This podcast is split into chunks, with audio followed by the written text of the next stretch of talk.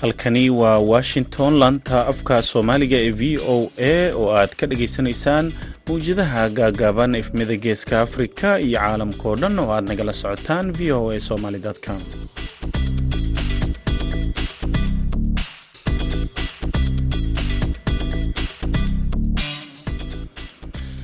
Duhur wanaagsan dhegaystayaal waa maalin sabti ah sagaal iyo tobanka bisha novembar sanadka laba kun iyo labaiyo labaatanka afrikada bari saacaddu waxay tilmaamaysaa kowdii iyo barkii duhurnimo.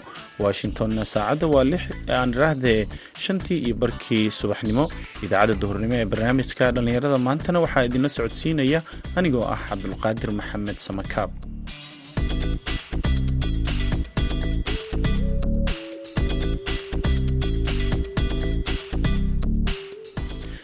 qodobada aad ku dhegaysan doontaan idaacaddeenna duhurnimo. Waxaa ka mid ah barnaamijkii madasha dhallinyarada oo toddobaadkan aan ku eegi doono cudurrada dhimirka ee ku dhaca iyo saameynta uu dhallaanka ama dhallinyarada u geysto. Asbaabo badan ay keenaan. Waa xanuuno ma aragtay qofka bedeli karo dabeecadihiisi ama sida uu u fikiri jiray oo saameyn badan noloshiisa ku yeelan karto kaalmihii heesaha iyo ciyaaraha ayaad sidoo kale maqli doontaan balse intaas oo dhan waxaa ka horreeya warkii dunida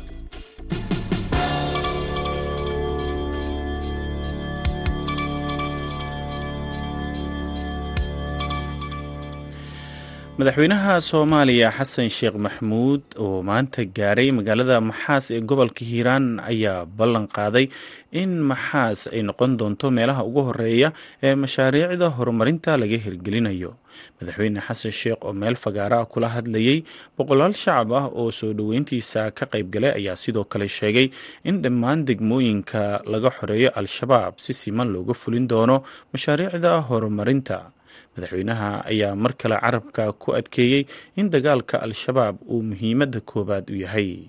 Madaxweyne xasan sheekh maxamuud ayaa booqasho ku mari doona furmaha hore ee gobollada ay ka socdaan howlgalladaasi ee galmudug hirshabeelle iyo koonfur galbeed isagoo kulan kula qaadan doona saraakiisha hogaaminaysa dagaalada ka dhanka ah al-shabaab bilihii la soo dhaafay waxaa deegaano ka tirsan galmudug hirshabeelle iyo koonfur galbeed ka socday kacdoon lagaga soo horjeedo al-shabaab iyadoo ciidamada dowladda oo kaashanaya maleeshiyaad ka tirsan dadka deegaanka ay al-shabaab ka qabsadeen magaalooyin tuulooyin iyo deegaano dhowra.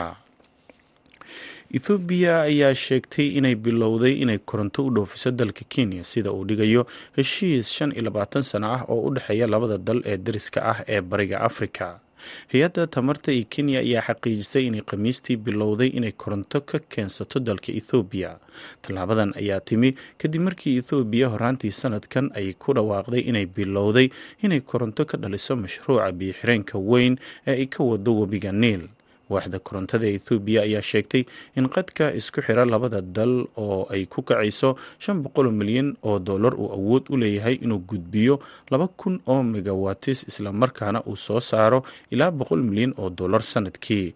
Safiirka ethoobiya iyo kenya baje debele ayaa hadal uu ku qoray jimcadii bartiisa twitter-ka ku sheegay in barnaamijkan uu muhiim u yahay xoojinta xiriirka diblomaasiyadeed ee ethoobiya iyo kenya ethoobiya ayaa markii ugu horreysay bilowday inay koronto ka dhaliso biyo-xireenka grand ethoobian renaissance dam ee ku yaalla webiga blue niil bishii agost waxayna ku dhawaaqday in marwaxadaha labaad ay bilaabeen inay soo saaraan koronto. Mashruucan ayaana ka caraysiiyey dalalka dariska ah ee suudaan iyo masar. Ugu dambeyntiina waxaa la filayaa inuu dhaliyo shan boqoloo aan raahday shan kun oo megawatis oo koronto taasoo labalaab ka badan midda wax soo saarka ethoobiya dhegeystayaal warkeenii dunidana waa nageynta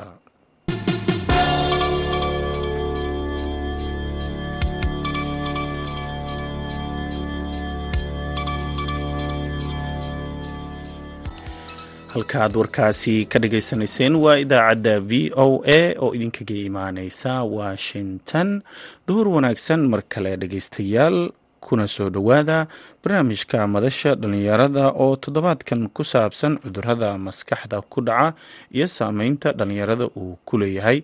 Waxaa barnaamijka marti ku ah cabdirasaaq digaale cabdi oo wax ka bartay cudurrada ku dhaca dhimirka waxaana sidoo kale barnaamijka soo jeedinaya ama la hadlay khabiirka cabdisalaan axmed salas oo ku sugan xeryaha dhadhaab.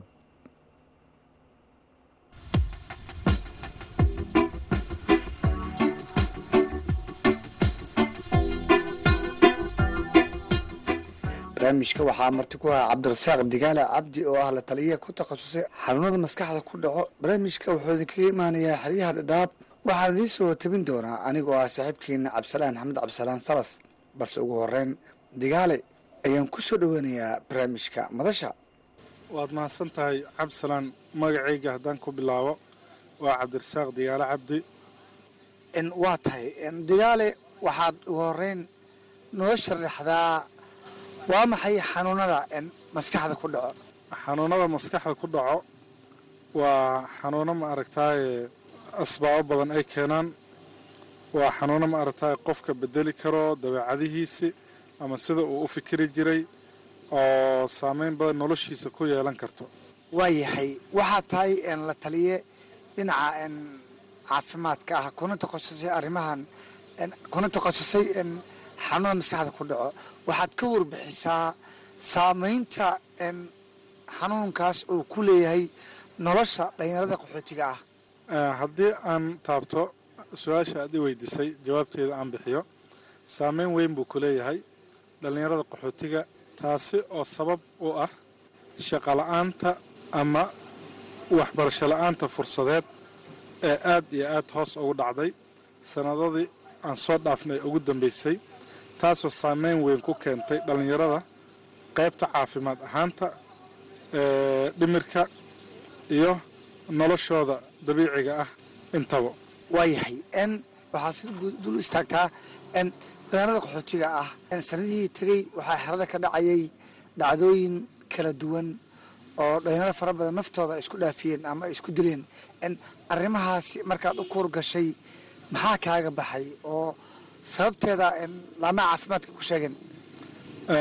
Arrimahaasi waa runtaa walaal way ku badan yihiin. Xeryaha qaxootiga waa ku soo bateen sanadooyinka u dambeeyey waxaana sabab u ahaa dhalinyaradii fursadihii waxbarashada waa yaraadeen. Qooyinkoo ayagana aad u yaraaday. Hay'adihii ma aragtaay taageeri jiray dad dowlad ma taageerayn dadkan. Hay'ado samafalo bini aadam ah ayaa taageeri jiray. Hay'adihii ayagana caalamka dhan baa ma aragtaaye dhibaato ka dhacday dagaal sokeeye ka dhacay.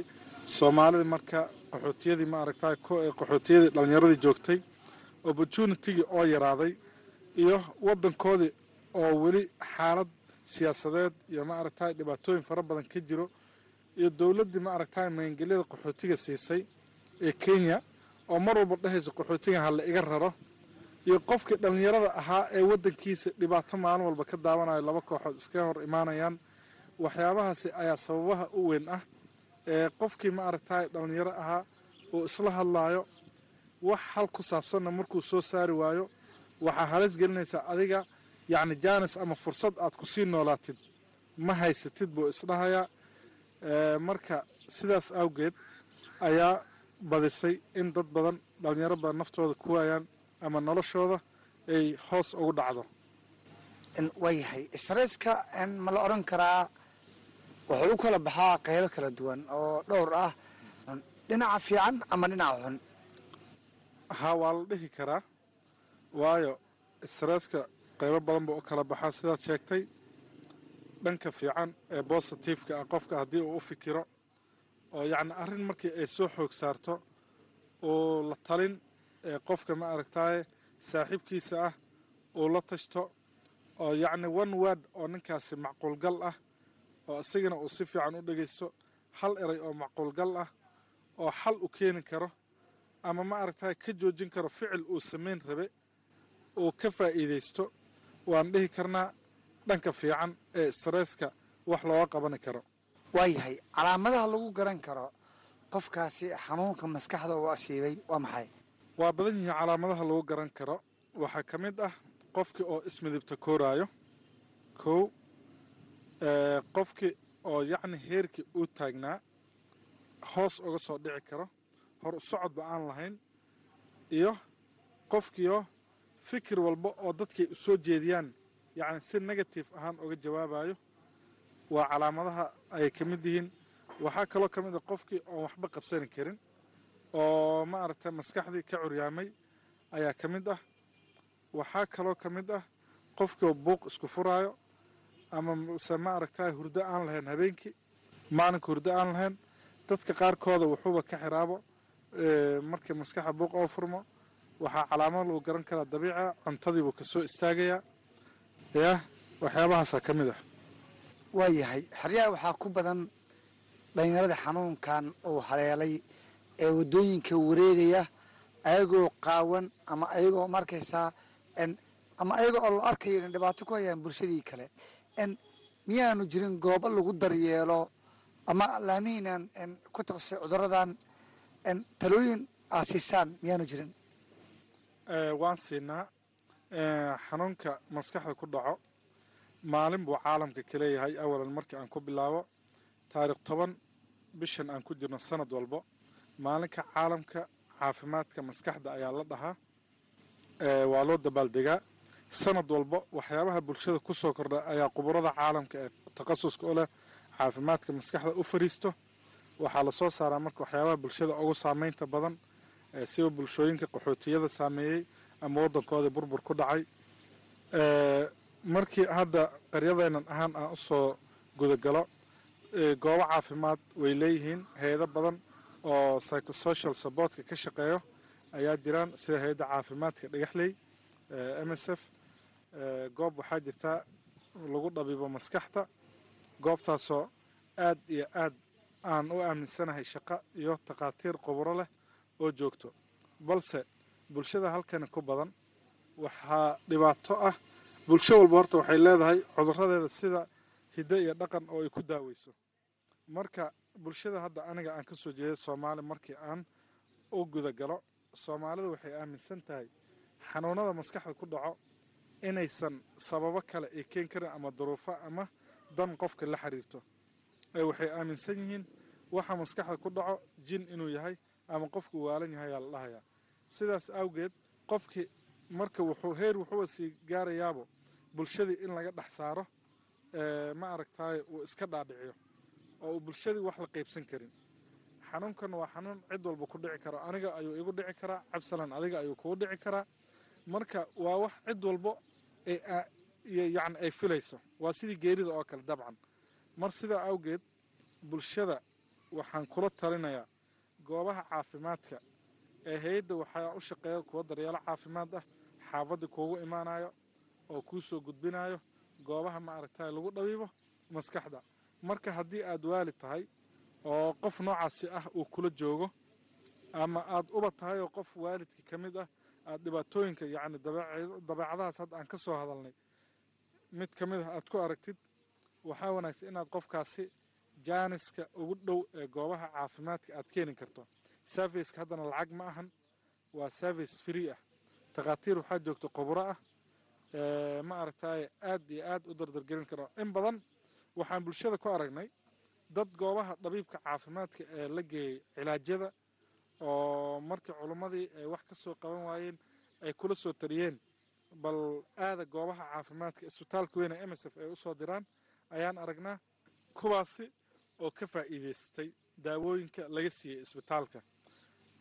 Marka bulshada waxaan kula talinayaa mar labaad in aysan mooganaanin inay jiraan goobo caafimaad oo lagu dhabiibi karo xanuunadan. Sida aan xanuunada maaragtaaye viruska ama bacterialka sida aan u dhabiibno ayaa maskaxda qofkana chemical ay ku shaqaysaa chemicalladaasaa hoos u dhici karaa mise si kala qaldan u kala shaqayn karaa marka daawooyinka stabilizationka oo yacni dejinaya moodka qofka yacni ayaga naftood waa waa waxgal weyn ama aad iyo aad bay waxtar ay uleeyihiin sida aan aragnay mise inta qubaro ahaan ama isbitaalka aan ka shaqaynayo ama goobaha saydo ama culunteeda ay gaarsiisan tahay aad iyo aad bay u waxyeeleysan yihiin ama ay dadka wax ay ugu tarayaan.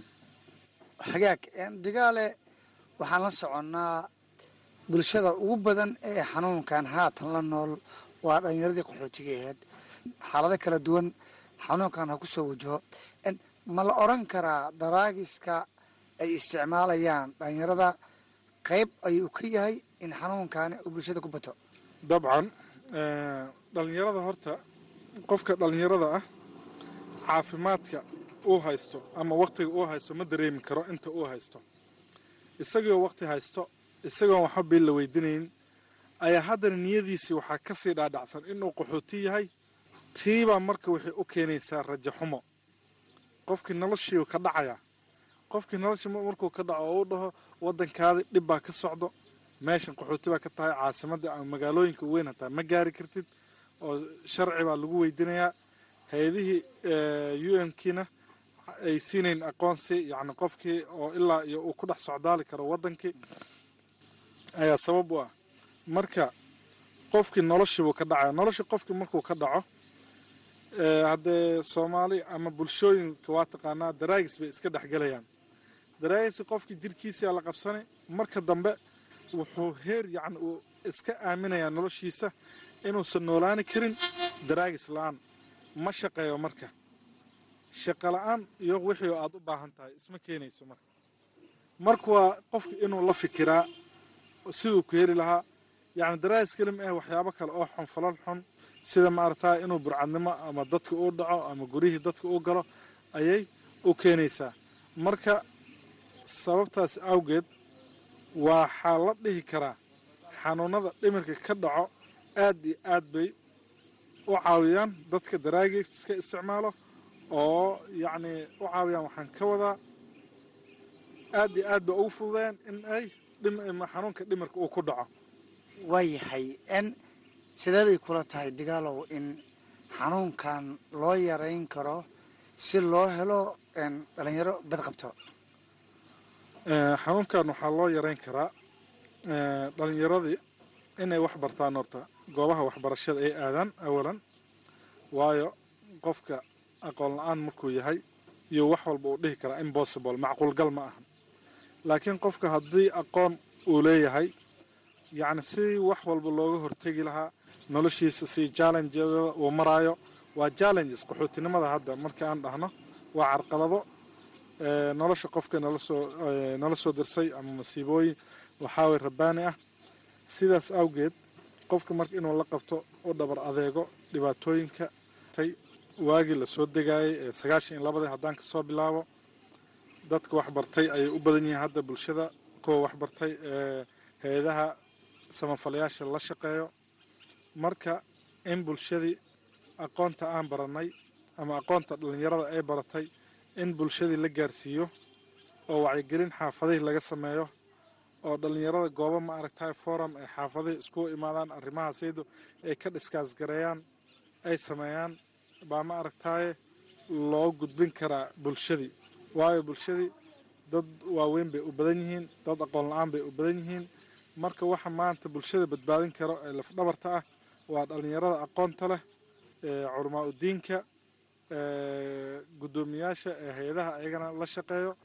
Waxaas dhan haddii ay iskaashadaan gacmaha ay isqabtaan waxay ila tahay in bulshadii ay gaari karto saafiisyada ama caawinaadyada laga bixiyo goobaha caafimaadka oo kaleeto sida xanuunka maskaxda meelo lagu dhabibo inay leeyihiin. Sidaas ayaa loo gaarsiin karaa ayay ila tahay. Waa tahay cabdirasaaq digaale sidaan la soconno bulshada qaxootiga ah aada ugu meherna goobihii caafimaadka. Inta badanna ma helaan fariimo ku soo xiro goobahaas. Ma la odran karaa laamihii caafimaadka way gaabiyeen oo bulshada inta badan baarujintii looga baahnaa kama helin. Aniga hadda qaryada aan ku noolahay dhagaxley ahaan xaafad walbo daryeelo caafimaad baa ka shaqeeyo. Ma dhihi karno hay'adihii caafimaadka waa gaabiyeen ma dhihi karno meeshaasi cudurdaar ma noqonayso waayo haddii subax walba xaafadda guddoomiyaha ama xaafadda uu soo gelaayo daryeelo caafimaad oo qofkii dhib qabo uu la socodsiinayo ama uu u gudbinayo in qofkanida meelo laga caawin karo ay leedahay ma dhihi karno hay'adihii caafimaadka waa gaabiyeen. Waayo qofkani shaqadiisa waxay tahay in uu wixii dhib qabo uu soo diro goobta caafimaadka marka waxaan dhihi karnaa arrintaasi bulshada ka bulsho ahaan. Waaye waayo xanuunada kale markay ku dhacaan bulshada goobaha caafimaadka way imaadaan. Balse yacni waxyaabo ay aaminsan yihiin awgood ayaa ka reebayo in ay goobaha caafimaad dadka xanuunka maskaxda qabo ay keenaan. Ugu dambayntii fariinta aad siinayso bulshada soomaaliyeed gaar ahaan dhalinyarada qaxootiga ah maxay tahay ee ku aadan tala siintan arrimaha caafimaadka. Cabsalan waad ku mahadsan tahay. Waxaan tala aan siin lahaa inta aan ogahay mise aqoonteyda ay gaarsiisan tahay. Bulshada soomaaliyeed in dadka xanuunka maskaxda la nool ama uu ku dhaco goobaha caafimaadka inay keenaan. Ayaga oo qofkaasi u faa'iideynayo amase jaanis kii qofkaasi uu ku sii noolaan lahaa ama bulshada uu wax kala qaban lahaa ayagoo fiirinayo inaysan qofkii maanta dhibka ku imaada ee xaafadda la sii joogin oo ay sida ugu dhaqsiyaha badan ay u soo horumariyaan waxaan kaloo siin lahaa bulshada dhallinyarada in ay waxbaraan oo waxbarashada ee dadka ay u sabraan rajadoodana aysan iska dilin dowladdooda way u dhalan doontaa noloshooda kuma dhammaysan doonaan qaxootinimo. Waayo qaxootinimada wax ay doorteen ma ahan. Waa wax ma aragtaaye masiibo ah. Masiibona ma aragtaaye muddo yar umay dadka haynaysaa waa laga baxayaa waxaan kaloo ma aragtaaye siin lahaa. Bulshada qofka ma aragtaaye xanuunada aad ka dareentid in aad la talin aad siiso. Qofka dhibaatada stresska iyo waxyaabahanayda sabab u ah la soo dirso. Isagana in uusan isku ekaynin dhibki oo dhibka uu la wadaago qofka bulshada ka mid ah oo uu ku kalsoon yahay. Guud ahaana khayaaray halkaasi ayaan ku soo afmeerayaa barnaamijkii madasha dhallinyarada. Balse dhegeystayaal aan dib idinku celiyo bahda washington iyo idaacadda duhurnimo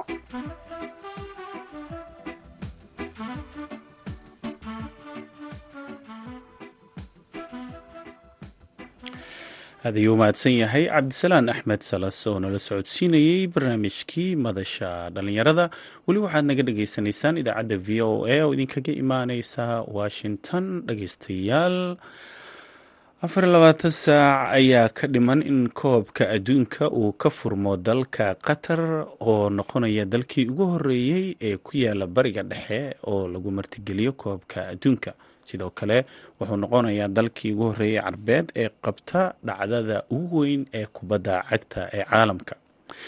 Wadamada ayaa iska xaadiriyey qaarkood ayaa kulamo saaxiibtinimo sii ciyaarayay waxaana si weyn loo dhowrayaa sanadkan. Waxaa ka soo baxa dhacdadaasi iyadoo qaaradda afrikana uusan war wanaagsan uga soo yeerin kadib markii xidiga ugu wanaagsan qaaradda sadio mane uu ka baxay. Tartanka dhaawac soo gaaray awgeed walaac ayaana si weyn looga muujinayaa iyadoo taageerayaasha dalalka afrika ay rajo ka qabeen inay u soo gudbaan wareega lix iyo tobanka senegal ayaana si weyn indhaha loogu hayay maadaama sanadkan loo arko inuu yahay xulka ugu awooda badan qaaradda afrika kadib markii ay ku soo guuleysteen koobkii afrika laakiin hadda iyadoo sadio mani uu maqan yahay ayaa kooxdaasi waxaa la leeyahay. Idris gaye ayaa hogaamin doona maadaama uu ka mid yahay xidigaha ugu caansan ee ka tirsan xulka senegal uuna soo ciyaaray kooxda b s g haddana ku sugan kooxda everton. Sadio mane dhaawaciisa sidoo kale waxaa ka hadlay ama murugo ku tilmaamay samuel eto oo ahaa mid ka mid a xidigihii ugu wanaagsanaa ee soo mara qaaradda africa iyadoo saade maane uu ka dhaawacmay ayaa haddana xulka koobka adduunka waxaa hore uga maqnaa maxamed saalax iyo xulkiisa masar. Dhegeystayaal waan arki doonaa wixii soo kordho laakiin xidigaha caanka ah xulalka wata waxaa ka mid ah xulka morocco. Ziyaaj ayaana loo malaynayaa inuu noqon doono sanadkan taageerayaasha africa ninka ay ka sugayaan ugu dambeyntiina sheekada ronaldo ayaa halkeedii ka sii socotaa iyadoo oo kooxda manchester united ay ka fikirayso inay qaado tallaabooyin dhinaca sharciga ah oo ay ku burburinayso qandaraaska xidigan iyada oo aan la siin doonin lacagtiisa saas ay ku dadaaleysaa laakiin ronaldo ayaa isagana dhinaciisa dooda ka wada oo haddii kiiska uu dhinaciisa u dhaco waxay noqon doontaa inuu qaato inta ka dhiman qandaraaska lacagtiisa sidaasna ay isku macsalaameeyaan walow xili horeba ay tahay waa hagaag waxyaabihii kale ee soo kordhana waxaan idinkugu soo gudbin doonaa idaacaddeenna balse markan waxaad ku soo dhowaataan kaalmihii heesaha.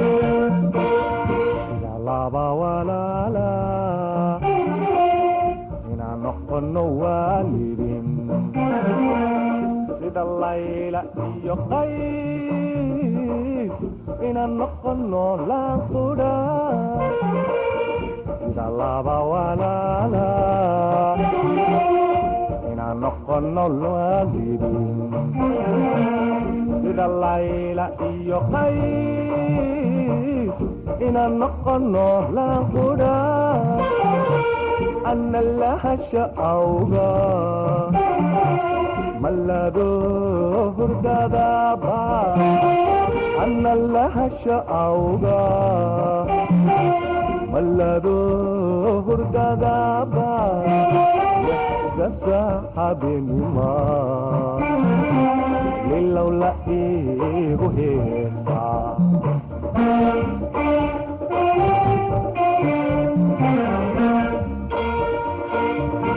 adaad igu laadan tahay inaan liito ma og tahay hadaadaad igu laadan tahay inaan liito ma og tahay mise waaban lumayo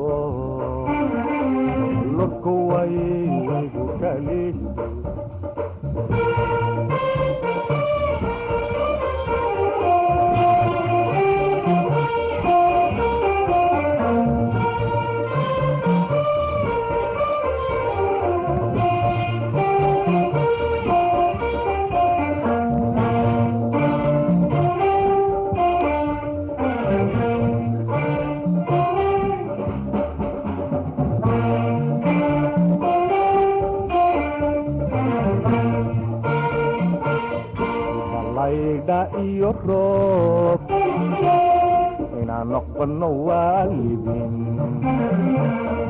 sida lug iyo faaras colaad inaan noqonno lama huraan. Sida laydha iyo roob. Inaan noqonno waan. Sida lug iyo faaras colaad inaan noqonno lama huraan. Anna laba labiyo ciil ಮಲ್ಲದೋ ಹುರ್ದಾದಪ್ಪ ಅನ್ನಲ್ಲ ಬಲ್ಲದಿಯೋ ಹೀಲ್ ಮಲ್ಲದೋ ಹುರ್ದಾದಪ್ಪ ದಸಾಹಬೆನ್ನುವ ಇಲ್ಲವಲ್ಲ ಏ heestaasi nageeye ayaa u dambeysay idaacaddeennii duhurnimo. Waxaa idinla socodsiinaya anigoo ah cabdulqaadir samakaab tan iyo idaacaddeenna dambe. Waxaannu idinkaga tegaynaa sidaa iyo nabadgelyo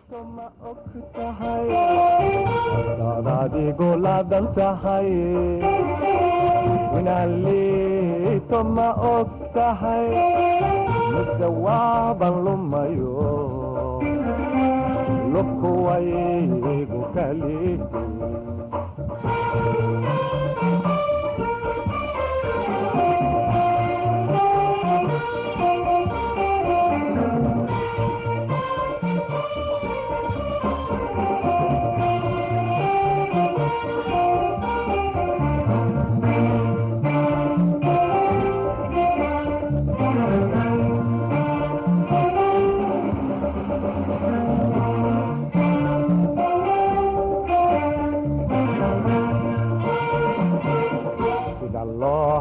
iyo diin inaan noqonno waalidin sida leeb ka dhacay qodhi